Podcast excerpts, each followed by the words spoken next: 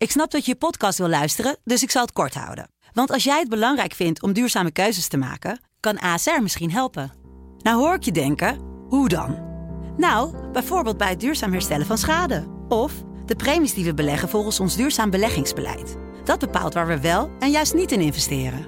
Wil je meer weten over welke duurzame keuzes ASR maakt? Ga dan naar asr.nl slash duurzame keuzes. ASR doet het.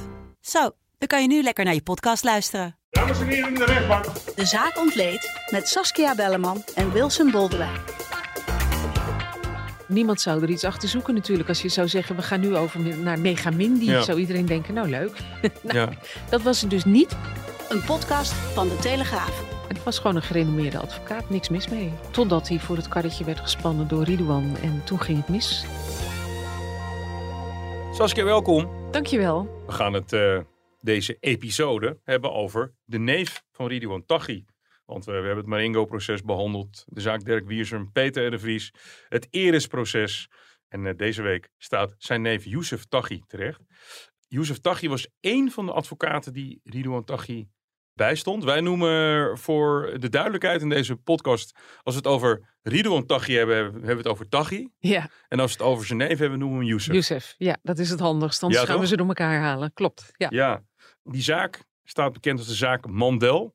Ja. Is die weer uit de computer van de recherche Ja. gekomen? Ja, het is weer zo'n onnavolgbare naam waarvan je denkt, waar halen ze hem vandaan? Maar nee, inderdaad, een door de computer gegenereerde naam.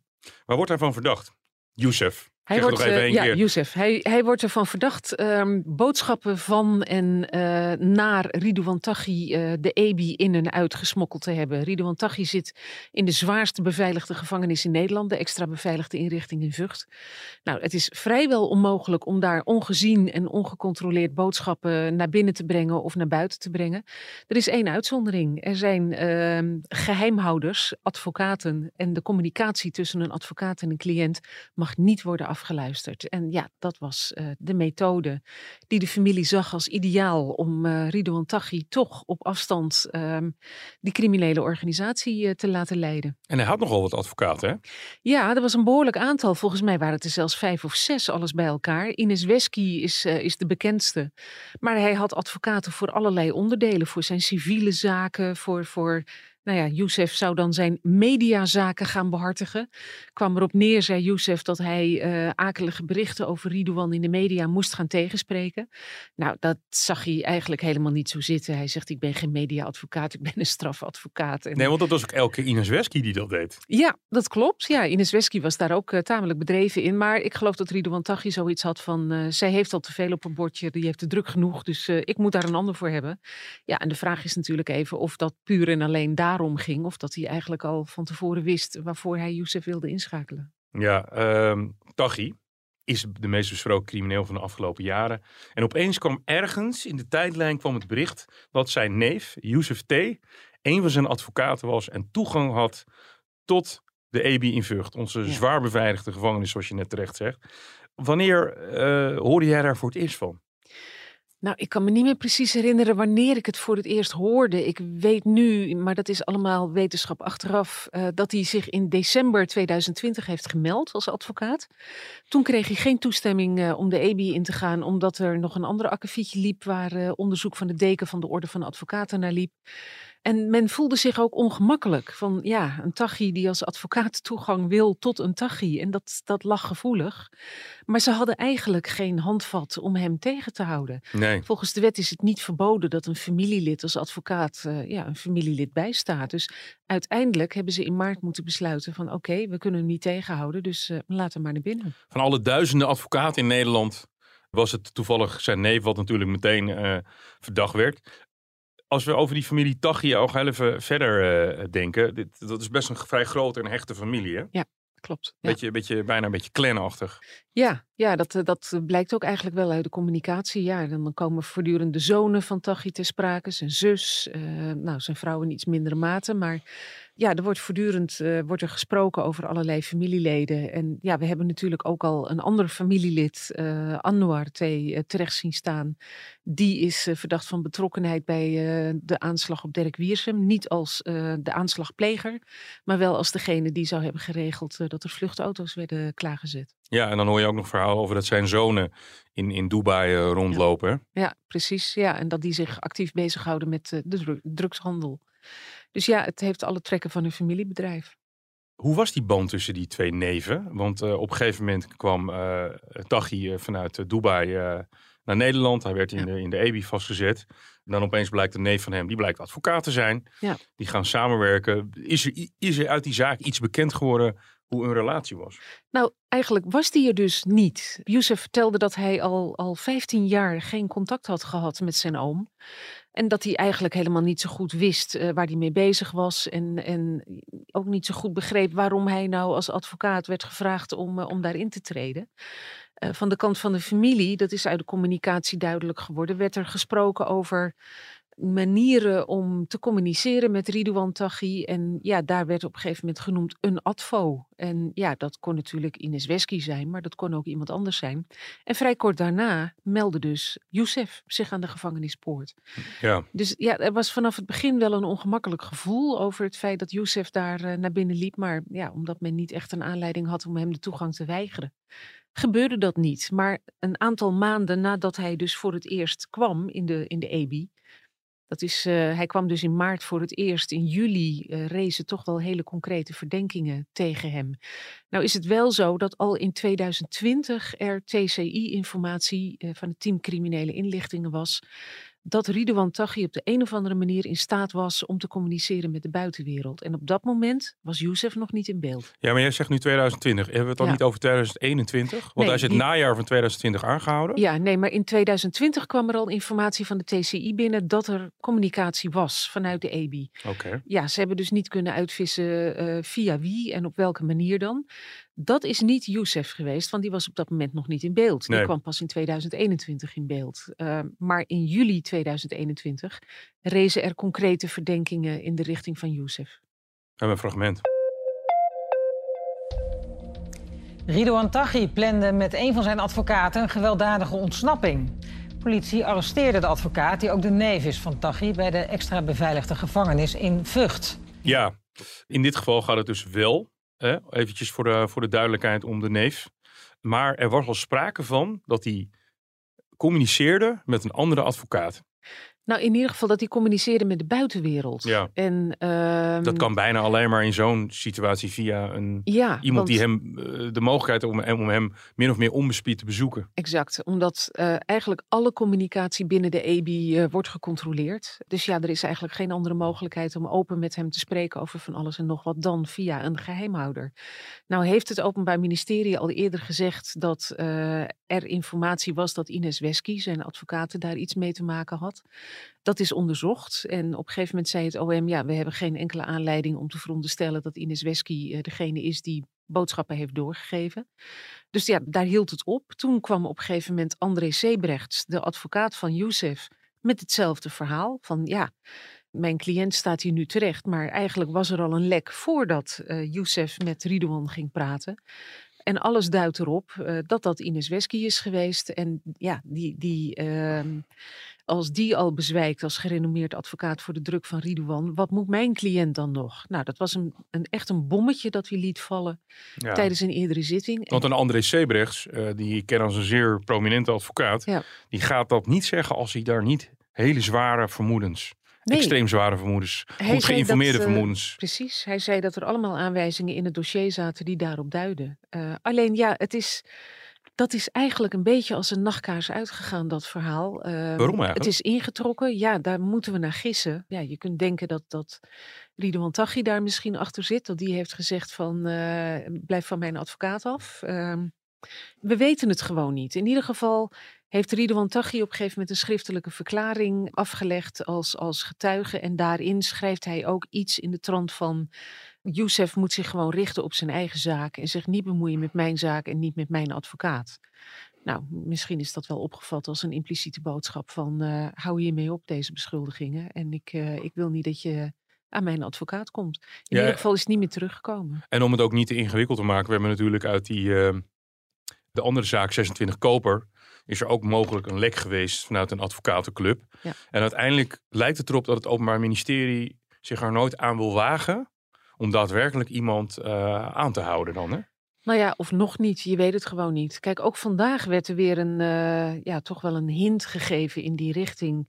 Toen in het requisitoor door de officier van justitie werd gezegd dat de familie, dat blijkt uit afgeluisterde gesprekken, duidelijk op zoek was naar een middel om te communiceren met Ridouan Taghi. En dat moest dan via een advocaat. En dat zou dan nodig zijn geweest omdat het via Ines Wesky niet of niet snel genoeg gebeurde. Dat is wat de officier van justitie letterlijk zei. Ja, maar dan wordt er dus wel gecommuniceerd via Ines Wesky. Dat nou sluit hij dan niet uit. Niet of niet snel genoeg. Ja, je kan het op allerlei manieren opvatten. Maar het blijft iedere keer maar boven de markt hangen. En dat, dat is voor Wesky ook pijnlijk en vervelend. En ja, of het OM daar uiteindelijk nog wat mee gaat doen, dat moeten we maar afwachten.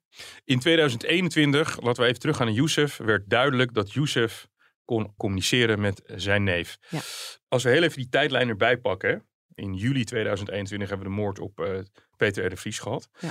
Vanaf wanneer tot wanneer in die periode had Youssef Taghi nou toegang tot Taghi? Ja, van maart 2021 tot 8 oktober 2021 toen hij werd aangehouden. Dus daar valt uh, de moord op Peter R. de Vries ook in. Ja. Hij heeft wel uh, heel nadrukkelijk gezegd tijdens de rechtszaak dat hij pas vanaf augustus berichten naar buiten ging brengen. Nou, dat valt te bezien, zegt het Openbaar Ministerie, omdat uh, de communicatie overduidelijk voortborduurde op eerdere communicatie. En ja, het OM zegt wij hadden af en toe moeite om die communicatie een beetje te duiden, maar het was voor de deelnemers aan die gesprekken volstrekt helder waar ze het over hadden. Ja, maar het heeft nog even geduurd voordat uh, de, rechtercommissaris toestemming gaf, ja. want dat, dat weegt heel zwaar in, de, in de grondwet, voordat Youssef afgeluisterd mocht worden. Ja. Vanaf wanneer is dat gebeurd? Dat is gebeurd vanaf september. Toen zijn de gesprekken opgenomen geweest en enkele weken daarna zijn daar ook nog camera-opnamen bijgekomen. Ja. En dat was omdat tijdens die gesprekken die werden opgenomen, op een gegeven moment, ja, er werd geluisterd naar tamelijk onsamenhangende gesprekken. Die gingen eigenlijk nergens over. Deels in het Marokkaans, deels in het Nederlands. En er werd op de achtergrond ook voortdurend geritsel van papier gehoord en gekras. Op een gegeven moment is er ook toestemming gevraagd om camera's op te hangen. Die toestemming werd gegeven. En ja, toen kwam dus in beeld uh, op wat voor manier deze mannen communiceerden. En dat ja. was door mondeling met elkaar eigenlijk over niks, over koetjes en kalfjes te praten. En ondertussen werd er heel druk geschreven op notitieblokjes. En die notitieblokken die werden dan tegen het raam geduwd, dat hen scheiden.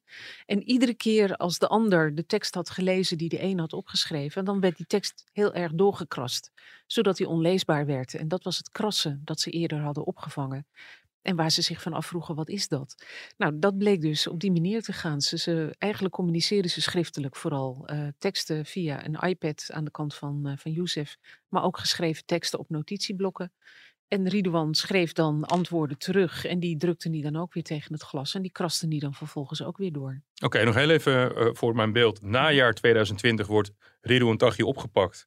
Najaar 2020 krijgt, komt er althans een verzoek. Youssef Taghi wil uh, toegang tot hem. Ja. Dat heeft even geduurd. Uh, de deken deed onderzoek. Ja. Februari 2021. En dan zijn we aan, in het nieuwjaar, wordt bekend, zijn neef bezoekt hem. Mm -hmm. En dan is er nog een hele lange periode, zit daartussen, voordat er echt toestemming komt om die gesprekken actief ja. af te luisteren. Dat is september.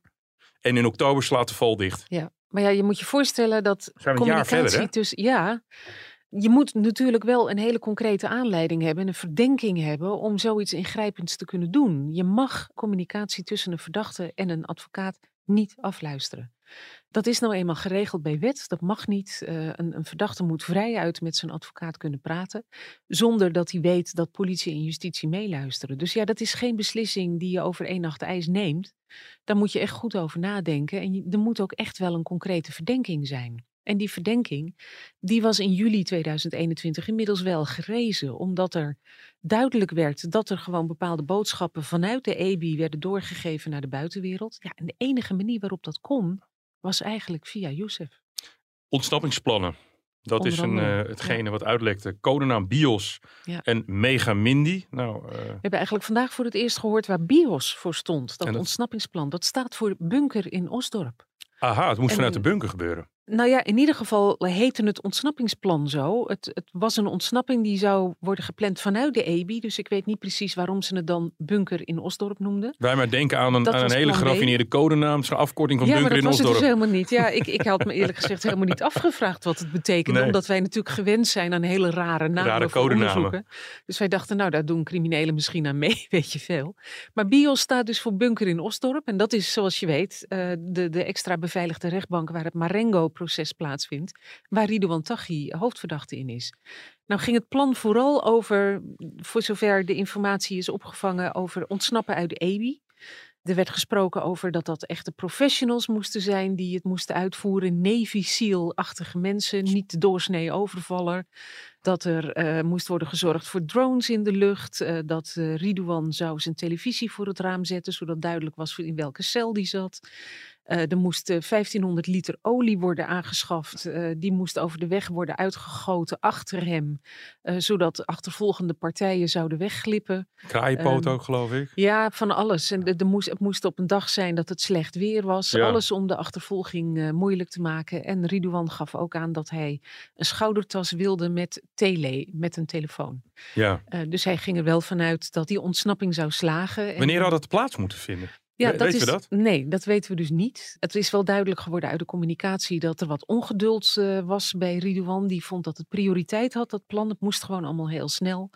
Terwijl Youssef zei van, ja maar het moet wel professioneel gebeuren. En zoals het er nu naar uitziet, hebben de teams nog niet eens contact met elkaar gehad.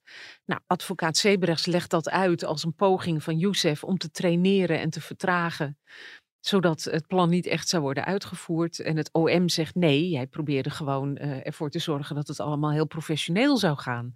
Dus die leggen die gesprekken op een heel andere manier uit. En dan was er ook nog een plan C voor het geval eh, dat Naast ontsnappen... BIOS, Mega Mini hadden we ook nog plan C zonder Nee, codenaam. nee, Megamindi was plan C. Megamindi was voor als BIOS zou mislukken en, en ook een overval op de bunker zou mislukken, dan moest plan C in werking treden. Dat heette Megamindi, lekker onschuldige naam. Dat is van eh, Studio 100, België. Ja, precies. Ja, ja, nou ja, niemand zou er iets achter zoeken natuurlijk. Als je zou zeggen, we gaan nu over naar Me Megamindi, Ja. zou iedereen denken, nou leuk. nou, Ja. Dat was het dus niet, want dat plan was om vier medewerkers van de extra beveiligde inrichting in Vught te gijzelen. En eh, ja, daarmee eh, te verzekeren dat Ridouan uit die EBI zou kunnen ontsnappen. En daartoe was het noodzakelijk dat Youssef die namen zou doorgeven naar een corrupt contact bij de Belastingdienst. Zodat die de adressen kon gaan opzoeken en andere cruciale informatie om die, die mensen te pakken te krijgen. Ingenieuze plannen eigenlijk allemaal. Ook, ook wel een tikkeltje onrealistisch. Youssef Taghi zit nu eigenlijk al een, tijdje in detentie. Hè? Mhm. We hebben een paar eh proforma zittingen gehad. In het begin is het natuurlijk eh, ontkenning geweest. Ja. Eh, we zitten nu echt aan de inhoudelijke zitting. Eh, vandaag eh, natuurlijk ook de eis. Zag jij, want jij bent bij veel zittingen geweest, zag je op een gegeven moment ook van er was geen ontkomen meer aan. Ik communiceerde gewoon echt Ja. namens mijn, mijn grote criminele neef. Ja, hij heeft op een gegeven moment gewoon aangegeven van ik, ik was een boodschappenjongen en ik ben gewoon over de schreef gegaan. Het is fout geweest. Hij betuigde daar ook spijt voor, maar hij zei ook van het was een soort sluipend gif. Ik ben er millimeter voor millimeter ingezogen. Het begon eigenlijk met, met simpele verzoeken van goh, hoe gaat het eigenlijk met die en hoe gaat het met die? Nou, hij zag er niet zo heel veel kwaad in om, eh, om daar antwoord op te geven. En het ging iedere keer een beetje verder. En ja, volgens zijn advocaat Sebrechts belandde hij op een gegeven moment in een situatie toen hij even achterover leunde en keek wa- waar, waar zit ik nou eigenlijk? Dat hij er gewoon met boter en suiker in was gegaan. Ja. En dat hij eh, echt over de schreef was gegaan.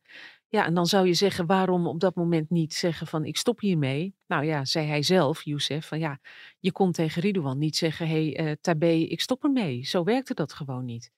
En André Sebrechts, de advocaat, zei van kijk, bij eh Ridouan is het altijd zo geweest dat eh, wie praat, die gaat. Dus het was ook geen optie voor Youssef om naar de politie te stappen en te vertellen wat er aan de hand was.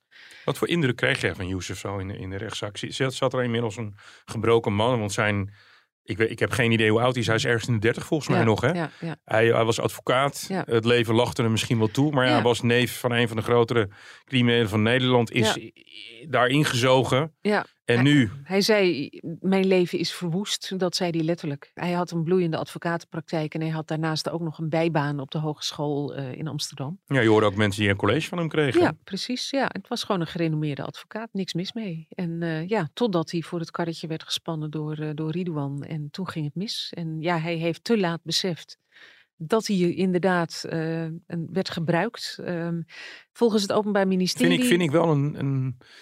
Ja, ik mag niet oordelend zijn in deze podcast, maar het, je weet dat het je neef is. Je kan natuurlijk heel veel afstand creëren tussen jou en je neef. Ik heb hem 15 jaar niet gezien. Maar dan weet je nog wel, ook als je advocaat bent, wel een beetje wie je neef is. Ja. ja en ik, ik, ik, ik kan, ik kan hem niet veroordelen, maar het is, is het niet een klein beetje gespeelde naïviteit?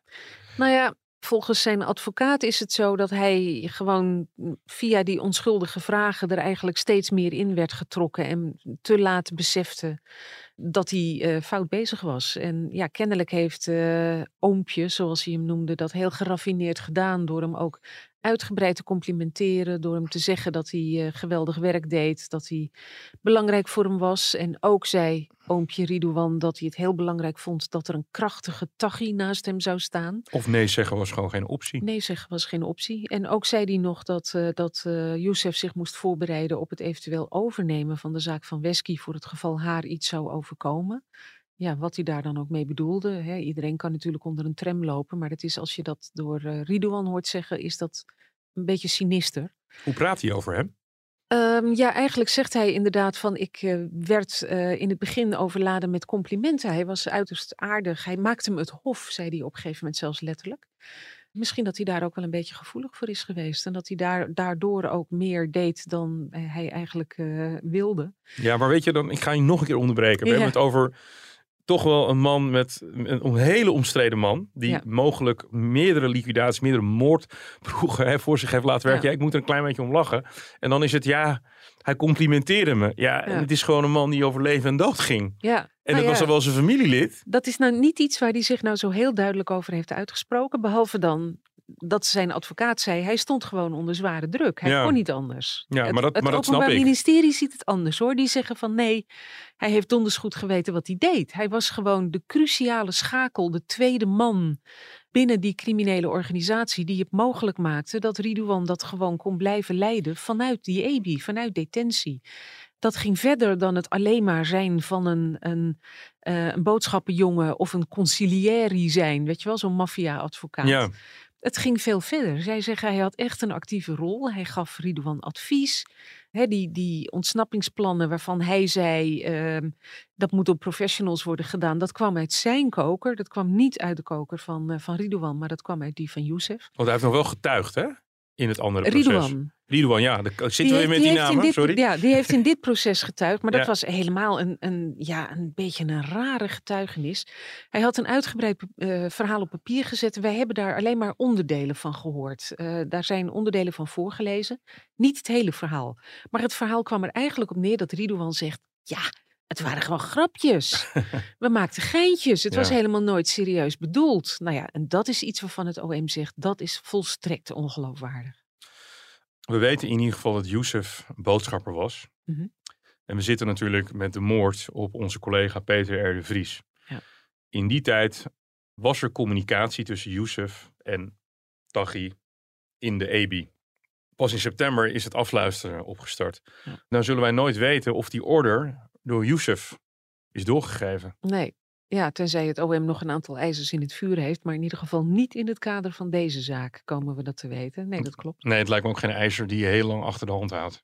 Nee, dat denk ik ook niet. Ehm, nee, ik, ik vrees dat ze daar het bewijs niet voor rond hebben gekregen. En eh, ja, de vraag is natuurlijk of hij erbij betrokken is geweest of dat het op een andere manier is gebeurd. Maar iedereen vraagt zich dat wel af. Ja, want als jij daar zo zit, ook met de dood, verschrikkelijke dood van Peter in je achterhoofd, die vraag blijft dus boven de markt hangen. En Ja.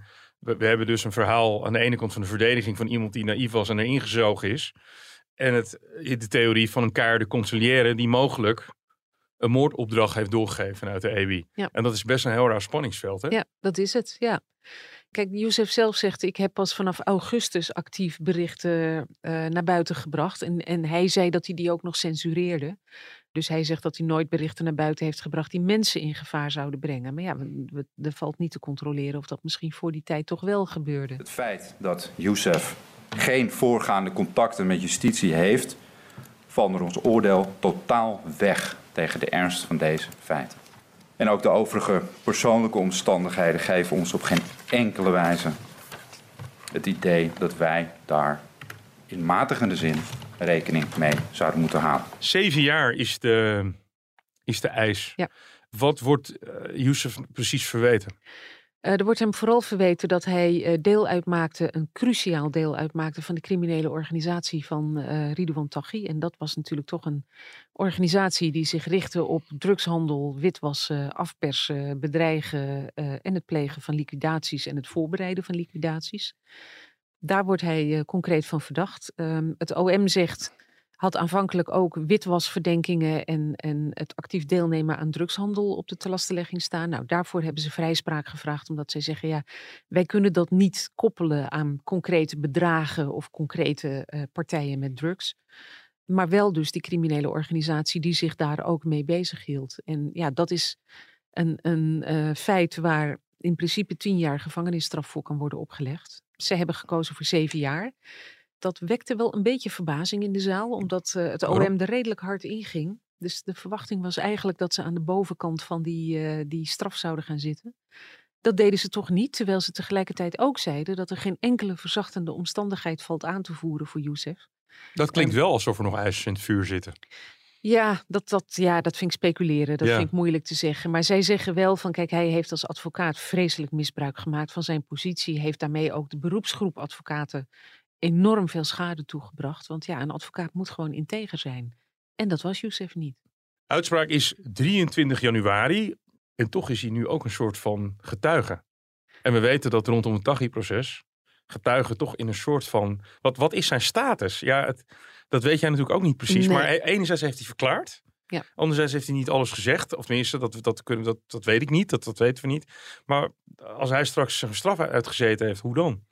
Ja, dat is een goede vraag. Dat weten we niet. Um, en kijk, hij zegt, uh, hij is zelf um, ex-advocaat inmiddels. Hij zegt ook dat hij niet meer terug wil in de advocatuur. Nee, ik denk dat hij zegt ook, eigenlijk dat dat een, een manier was om, om uh, van Ridouan af te komen. Hij zei van, wat ik aan het doen was, was hij, hij wilde 24 uur beschikbaarheid uh, van mij. En ja, zei Youssef, dat, dat kan niet. Ik heb een praktijk, ik heb een gezin met uh, drie jonge kinderen, inmiddels vier. De, de vierde is geboren in zijn detentie al.